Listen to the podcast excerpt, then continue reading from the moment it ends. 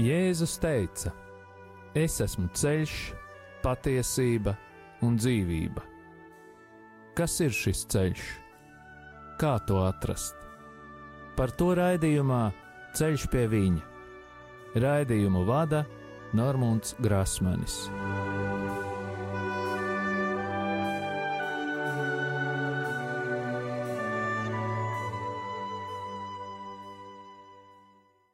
Lai ir slavēts Jēzus Kristus! Atkal ir piekdiena, un rādio Marija ēterā izskan raidījums Ceļš pie viņa. Vēlos atgādināt, ka raidījuma e-pasta adrese ir ceļš pie viņa at gmail.com. Turpinu pateikties visiem klausītājiem, kuri atceras mani un pārējos radio Marija darbiniekus, brīvprātīgos un arī ziedotājus savās lūkšanās. Vēlos pateikties katram klausītājam, kurš ar savām lūkšanām un finansiālo ziedojumu atbalsta Radio Mariju skanējumu ēterā, lai Dievs jūs bagātīgi svētī un arī katru atbalstītāju un visus mūsu kopumā. Un tagad, kā jau ierasti, lūksim aizsardzības lūgšanu par Radio Mariju darbiniekiem un brīvprātīgajiem, par katru klausītāju un mūsu ģimenes locekļiem. Jēzus Kristus vārdā mēs pārņemam autoritāti pār savu ģimeni un sasaistām visus ļaunos spēkus un varas gaisā, telpā, zemē, ūdenī, pazemē, dabā un ugunī. Dievs, tu esi kungs pāri visam visumam, un mēs sadodam tev slavu un godu par tavu radību Tavā vārdā, Kungs, Jēzu Kristu, mēs sasaistām visus demoniskos spēkus, kas ir nākuši pār mums un mūsu ģimenēm, un ieslēdzam mūs visus tavu dārgo asiņu aizsardzībā, kas mūsu dēļ tika izlietas pie krusta. Marija, mūsu māte, mēs lūdzam tavu aizsardzību un aizbildniecību pār mums un mūsu ģimenēm ar svēto Jēzus sirdi. Ietin mūs savas mīlestības apmetnī un sakauj mūsu ienaidnieku. Svētais arcēnģeli Mihēlu un visi mūsu sargaņģeļi. Nāciet aizsargāt mūsu un mūsu ģimenes šajā cīņā pret visu ļauno, kas ir šajā pasaulē. Jēzus Kristus vārdā un caur viņa dārgajām asinīm mēs sasaistām visas ļaunuma varas un pavēlam tām atkāpties šajā brīdī no mums, mūsu mājām un mūsu zemes. Mēs pateicamies Tev, Kungs, Jēzu, jo Tu esi taisnīgs un līdzjūtīgs Dievs. Āmen! Jēzus Kristus vārdā un Viņa krusta un Viņa izlieto asiņu spēkā mēs sasaistām jebkura ļaunuma varas spēku garus un pavēlam tiem, lai tie nebloķē mūsu lūgšanas Mēs salaužam jebkurus lāstus, burvestības, kas ir vērsti pret mums, padarot tos tukšus un bezspēcīgus. Mēs salaužam jebkuru uzdevumu, kas ir dots jebkādiem gariem, kas vērsti pret mums, un sūtām viņus pie Jēzus, lai viņš dara ar tiem, ko vien vēlas. Kungs, mēs lūdzam, lai tu svētī mūsu ienaidniekus, sūtot savu svēto garu pār tiem, lai vadītu viņus uz grēku nožēlu un atgriešanos. Mēs pārcērtam jebkādas saites un saziņu ļauno garu pasaulē, kas ietekmē mūsu un mūsu lūgšanu. Mēs lūdzam Jēzus izlieto asiņu aizsardzību pār mums un mūsu ģimenēm. Paldies, Tev, Kungs, par Tavu aizsardzību un sūti pār mums savus eņģeļus, jo īpaši svēto erceņģeli Mihēlu, lai viņš mums palīdz šajā cīņā. Mēs lūdzam tevi, vadi mūs mūsu lūgšanās un izlaies pār mums ar savu svēto garu, tā spēku un žēlsirdību. Āmen! Šī vakara tēma - Reiki. Daudz jau noteikti ir dzirdējuši par šo dziedināšanas sistēmu. Tā Latvijā arī attīstās, un jāsaka godīgi, ka pirmie cilvēki, kur nonāca manā, ja tā var teikt, pacientu lokā, bija jau desmit gadus atpakaļ. Un teikšu godīgi, Tie bija paši smagākie garīgo problēmu gadījumi manā garīgās atbrīvošanas praksē. Bet tagad pie lietas. Vārds rēkī ir japāņu izteiciens, kas tiešā tulkojumā nozīmē universālais dzīvības spēks. Šajā jēdzienā ietverti divi vārdi - rei, universālais es vai transcendentālais gars, un kī, dzīvības spēks. Šis dzīvības spēks ar seno tehniku palīdzību tiek izmantots, lai dziedinātu cilvēku. Rēkī uzdevums ir it kā palīdzēt cilvēkam sasniegt harmoniju, laimi un veselību, un tam ir jānotiek savienojoties ar universālo enerģiju un visu cilvēci.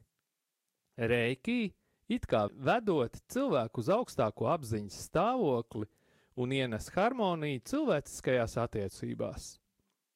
Šīs mācības garīgo un fizisko vingrinājumu uzdevums ir arī izdziedināt visu slimību cēloņus vai saknes. Ja ielūkojamies šīs mācības vēsturē, tad to ir attīstījis doktors Mikao Sui.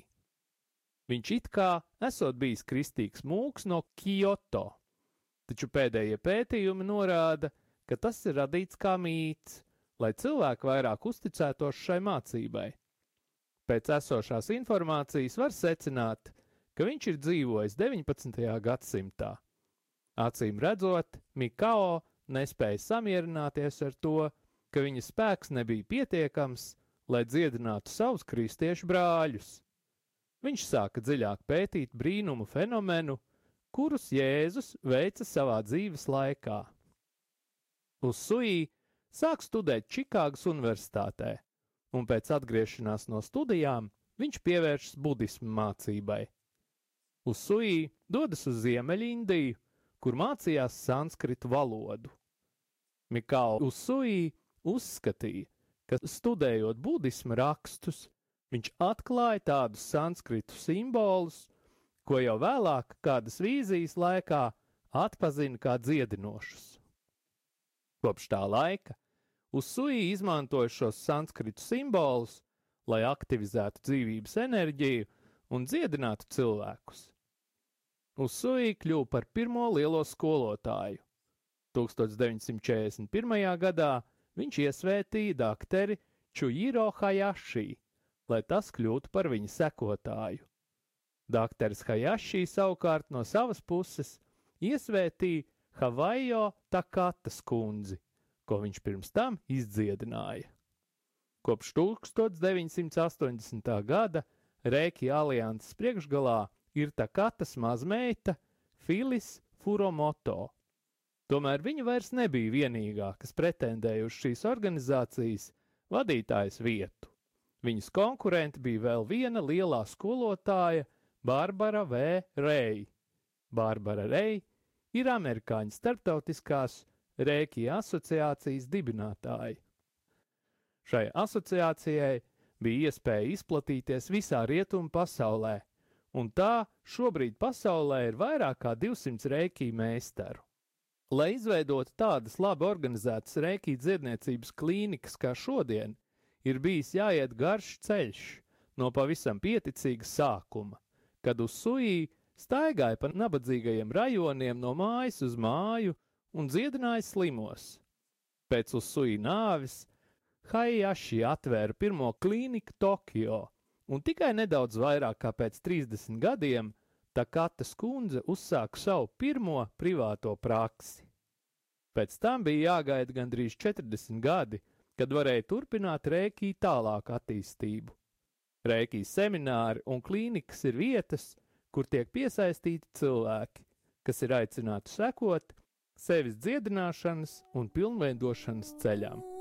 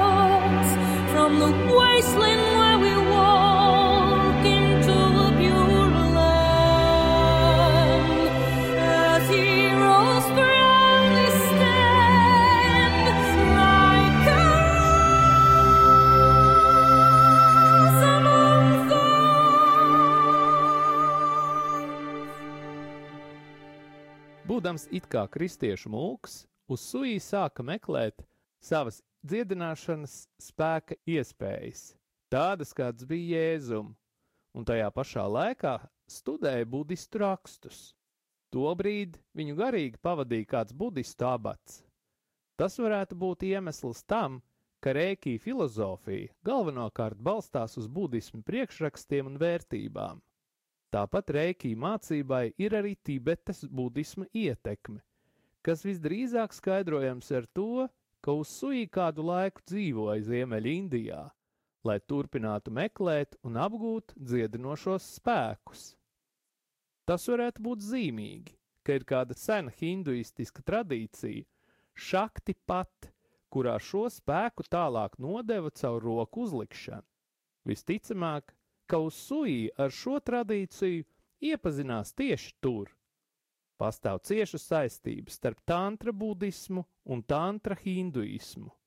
Ļoti liela līdzība ir arī rēkī sistēmai ar iepriekš minētajām mācībām, jo rēkī uzskata, ka dzīvības enerģija var brīvi pārvietoties. Tātad rēkī Tāpat kā kundalīnī, tantriskajā izpratnē, garīgi pārveidojošā enerģija ir jāuzmodina, lai skolniekiem palīdzētu pāriet uz daudz augstāko apziņas līmeni. Faktiski rēkī māca, ka dzīvības enerģijas brīvā plūsma ķermenī palīdz atmodināt kundalīnī un tādā veidā vada garīgo transformāciju. Tāpat kā jogā, īpaši kundalīnī jogā, kas ir pašrealizācijas tantriskā metode, būtiska loma ir čakrām. Zem vārda čakras mēs saprotam enerģijas centrus, kas it kā ir izvietoti tā saucamajā ēteriskajā ķermenī. Papildus tālo austrumu filozofiskajai izpratnei, uz suī izveidoja piecus principus, kas saistīti ar cilvēku spēju uzņemties atbildību par sevi un savu labklājību. Un šie principi, kas darbojas līdz šim brīdim, ir šādi. Es dzīvoju nemitīgā pateicībā. Es ne par ko neraizējos. Es nebūšu īgns un dusmīgs. Es veicu savu darbu tik labi, cik vien labi spēju. Es parādu mīlestību un cieņu katrai dzīvajai būtnei. Lielākā daļa rēkī mācība ietver atbrīvošanos no liekajām, ja tā var teikt, sastāvējušajām emocijām. Šīs emocijas bieži veido negatīvu blokādi, no kuras būtu jāatbrīvojas. Tas, līdz kādai pakāpei šī atbrīvošanās tiek sasniegta, atkarīgs no paša cilvēka gatavības. Atbilstoši šai gatavības pakāpei, cilvēks var piedzīvot atbrīvošanu no sāpēm, pat līdz pilnīgai fiziskai dziedināšanai no slimībām. Kas būtu jāņem vērā kristietim? Reiki daudz un bieži runā par garīgo izaugsmi, taču nekur nevar atrast norādījumus, no kā šī garīgā attīstība sastāv. Ļoti daudz tiek runāts par atbrīvošanos no emocijām un personības jauno prāta un gara orientāciju, taču nekur netiek stāstīts, kas patiešām ir cilvēciskā laimes būtība. Tomēr ir kāds ļoti skaidrs vēstījums. Rēkī neatzīst ticību vienam personiskam dievam, radītājam.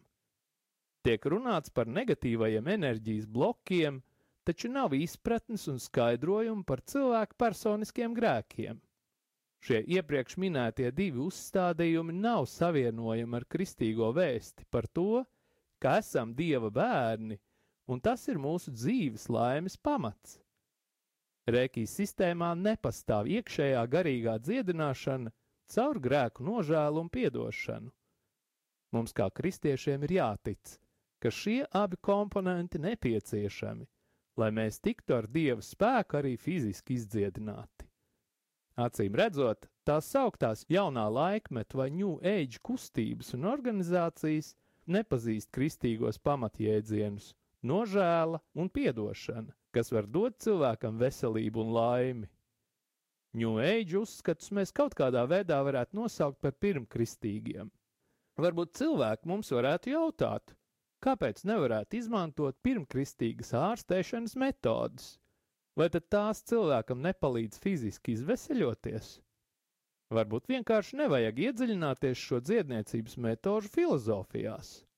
Šādus argumentus bieži izmanto jogas vingrinājuma atbalstītāji. Tomēr jāņem vērā, ka, piemēram, jogas skolotāji, un mēs varam pieņemt, ka visu austrumu mācību pārstāvi nevēlas, lai viņu piedāvātās metodes tiktu izmantotas tikai ķermeņa fiziskajām vajadzībām. Savā pārliecībā, ka izmantojot šīs metodes, cilvēks iemanto laimi, tādā veidā cilvēks pašos pamatos tiek iepazīstināts ar nepareiziem garīgiem likumiem. Ļoti daudz šāda ārstēšanas virzieni saistīti ar okultiem priekšrakstiem, kas līdz ar to ir pilnīgi pretēji kristīgajai ticībai un katoļu baznīcas mācībai. Šodien ir ļoti daudz tā saukto New Age piedāvājumu, un neatkarīgi no tā, vai tas ir rēkī, reinkarnācija, dziedināšana ar kristālu palīdzību, uguns skrējiens, bioenerģētiskie vingrinājumi, čenelings, kas ir kontakts ar mirušajām dvēselēm, euritmija, kas ir antropozofiskā vingrinājuma terapija, vai kāds no daudziem citiem ārstēšanas paņēmieniem, tas ir kārdinājums pieņemt tos pašus melus, kādus sātans izmantoja tad, kad ierāva grēkā ievu pašā Bībeles sākumā. Šo melu būtība ir tāda, ka mēs paši kļūsim kā dievi un mums nav vajadzīgs radītājs. Praktizējot kādu no dziedniecības sistēmām vai mācībām, par kuriem runāju šajos raidījumos, jūs ejat sevis pilnveidošanas un pašrealizācijas ceļu saviem spēkiem, saņemot garīgu atbalstu no citiem spēkiem.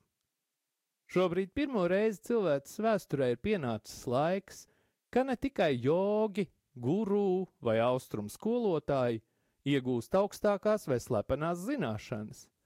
Bet visā pasaulē ir miljoniem cilvēku, kuriem ir pieeja pie šīm augstajām zināšanām.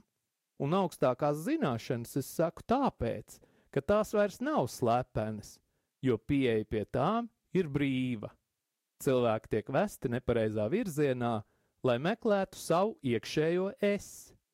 Tajā, kurā būtu jābūt patiesā dieva templim, cilvēks mēģina atklāt tā saukto savu augstāko es, pieņemot, ka viņš ir kā dievs un ka ir dievs. Sevis dievināšana ir pirmdzimtais grēks. Tā ir pirmā nepaklausība. Ik viena metode, kas neatkarīgi no tā, vai ir tūkstots gadus veca vai pilnīgi jauna, cilvēkam sola palīdzēt iegūt laimi, norādīt ceļu pie dieva un atrast iespēju, kā pie viņa nonākt, vispirms jau ietver bīstamību pazaudēt ticību dievam. Kāpēc mēs katoļi būdami bieži meklējam piepildījumu tik tālu? Vai tad svētais Augustīns mūs nav mācījis, ka nemierīgi ir cilvēka dvēsele, kamēr tā neatdusēsies dievā? Vai Jēzus mums neatgādina?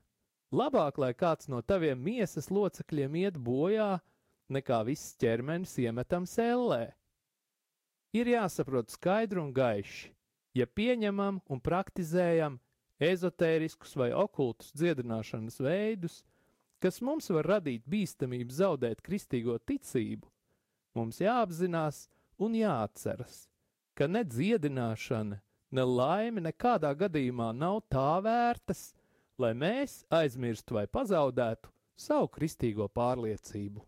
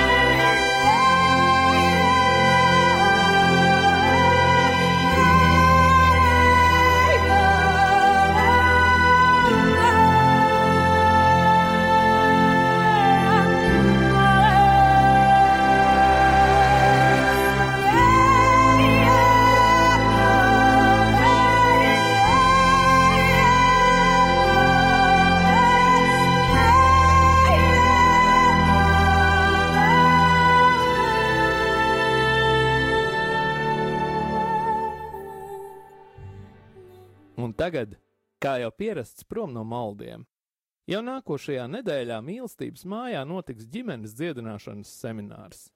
Pieteikšanās caur mājas lapu mīlestības māja.lv, bet tagad vēlos pieskarties tēmai, kas tiešā veidā ir saistīta ar šī vakara raidījuma pirmo daļu.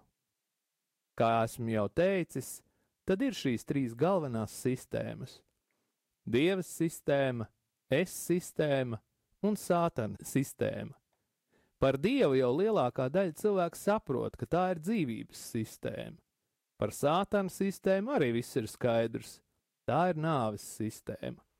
Pats sarežģītākais ir es vai cilvēka sistēma, jo tā ir visvājākais punkts, un, ja tā var teikt, problēma dievam. Mums ir brīvā griba, un tā ir lielākā no dāvanām pēc dzīvības dāvanas jo brīvā griba galvenokārt ir tas, ar ko mēs atšķiramies no dzīvniekiem. Brīvā griba ir tas, ko Dievs vienmēr ievēros. Viņš nekad to neatcels. Taču Sātans savukārt visādos veidos centīsies brīvo gribu iespaidot, varbūt ierobežot vai pat bloķēt. Tikai ir skaidri jāapzinās, ka ja tiek iespaidota vai bloķēta brīvā griba, tad vai nu pats cilvēks vai kāds no ģimenes sistēmas kaut kad to ir atļāvis, nu, teiksim, noslēdzis līgumu ar sātenu. Un cik daudz gadījumos tas ir apzināts gribas akts, to mēs nevaram pateikt. Ne jau vienmēr līgums ar sātanu tiek noslēgts, parakstot to ar asinīm. Daudzos gadījumos pietiek ar nepareizu lēmumu un pēc tā rīcību. Tātad es vēlos pateikt, ka tad, ja vēlns jūsu dzīvē dominē, un to mēs varam secināt pēc slimībām, atkarībām, neveiksmēm attiecībās, neveiksmēm finansiālajā plānā, un ar to es domāju, daudz strādājam, bet naudas nav, vai vēl vairāk atrodamies pastāvīgos parādos. Tad sātanam ir dota tāda vara iejaukties mūsu dzīvēs.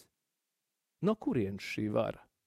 Ir gadījumi, kad cilvēks saskaras ar pārdabiskām problēmām, bet ir ticīgs, iet uz baznīcu, ārēji viss ir pēc priekšrakstiem.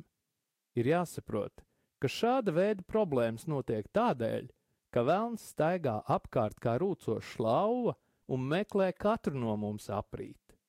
Es neuzskatu, ka cilvēkam ir jādzīvo bez ciešanām un grūtībām, jo patiesībā pēc savas pieredzes redzu, cik liels ir kārdinājums atslābt, ieiet tādā komforta zonā un aiziet no tām Jēzus armijas pirmajām rindām. Taču lielajai daļai no ciešanām un grūtībām, ar kurām mēs saskaramies, kurām mēs ejam vai lienam cauri, patiesībā nebūtu jābūt. Katrā ziņā Dievs nav šo lietu radītājs. Ja es vai kāds no manas ģimenes sistēmas ir devis sātanam pilnvaru darboties dzīvē, tad ietekme viennozīmīgi ir uz visu ģimenes sistēmu, ieskaitot katru atsevišķi. Ja atgriežamies pie reiki, tad apmācību ceļā, ejot cauri trīs pakāpēm un nonākot līdz meistaram, ir tik daudz solījumu, zvērestu un iniciācijas, ka pēc tam atbrīvot no tām visām ir ļoti grūti. Sātans manipulē ar puspatiesībām, lai mūs piekrāptu un ievilkt mūs savos tīklos, bet ir jāsaprot, ka galavārds vienalga paliek uz mūsu atbildības. Ja mēs runājam par dziedināšanu, tad skaidrs ir tas, ka Jēzus atnāca mūs dziedināt, atbrīvot no ļaunajiem gariem un pasludināt labo vēsti. Un kāds ir labās vēsts galvenais ziņojums?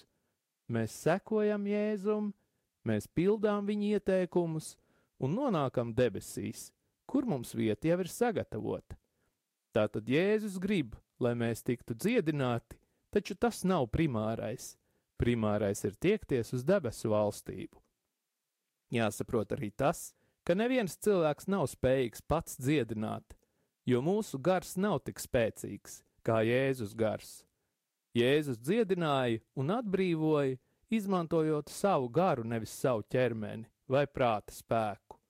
Arī rēkī un pārējās dziedināšanas sistēmās mēs saskaramies, ka dziedināšanu pašu izdara kaut kāds spēks. Jautājums ir konkrēts - kāds? kāds gars stāv aiz dzīvības spēka, aiz visuma apziņas un tā tālāk. Skaidrs ir tas, ka tas, kas nav svētais gars, tas ir ļaunais gars. Kā jau mēs zinām, tad dziednieki, zīlnieki, astrologi, jogisti, rēkisti un citi garīgie darboņi neviens nepiesauc svēto garu. Spriediet paši, kāpēc? Un visbeidzot, dziedināšana par katru cenu nav dieva plāns. Cilvēks ir vienmēr meklējis brīnumus. Arī Jēzus laikā tūkstošiem nāca pie viņa, lai ieraudzītu brīnumus. To mēs skaidri lasām jaunajā derībā. Bet vai visi, kas ieraudzīja Jēzus izdarītos brīnumus, tika izglābti vai pestīti? Liels jautājums, uz kuru nav skaidrs atbildes. Atgādinu, ka jūs, kas klausāties šo raidījumu, esiet gaidīti katra mēneša pirmajā sestdienā uz ģimenes dziedināšanas semināru. Un tā uz redzēšanos!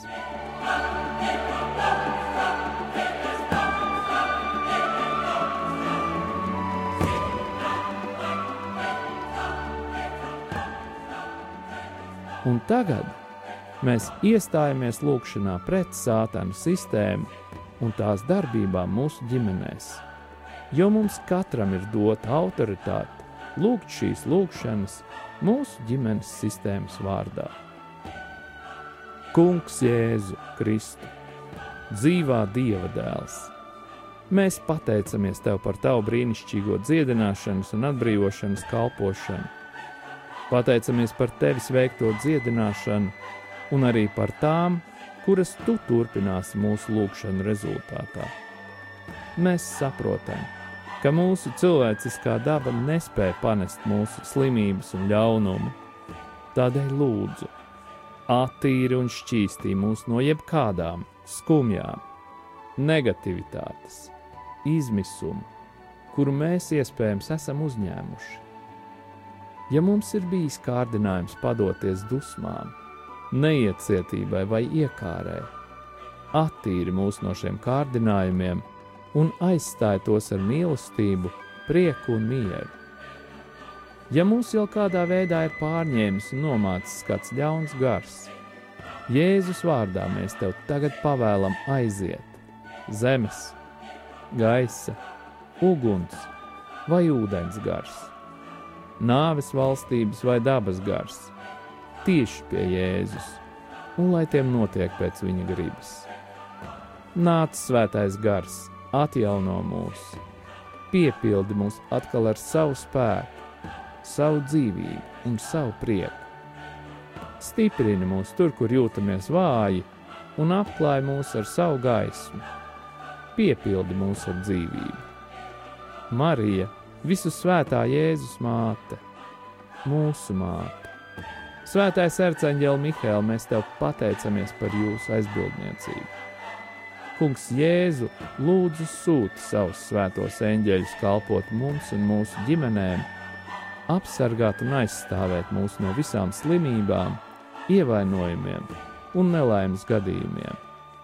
Lai mūsu ceļojumi ir droši, mēs tevi slavējam, tagad un vienmēr, Tēvs, Dēls un Svētais Gars.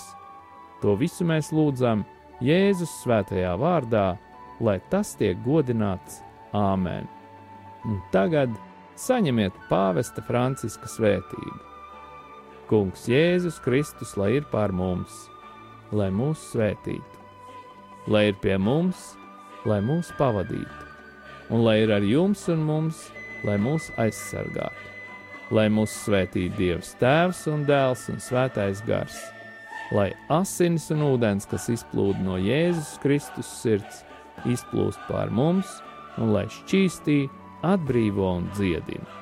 Saņemiet svēto garu, Dieva Tēva un Dēla un Svētā gara vārdā Āmen!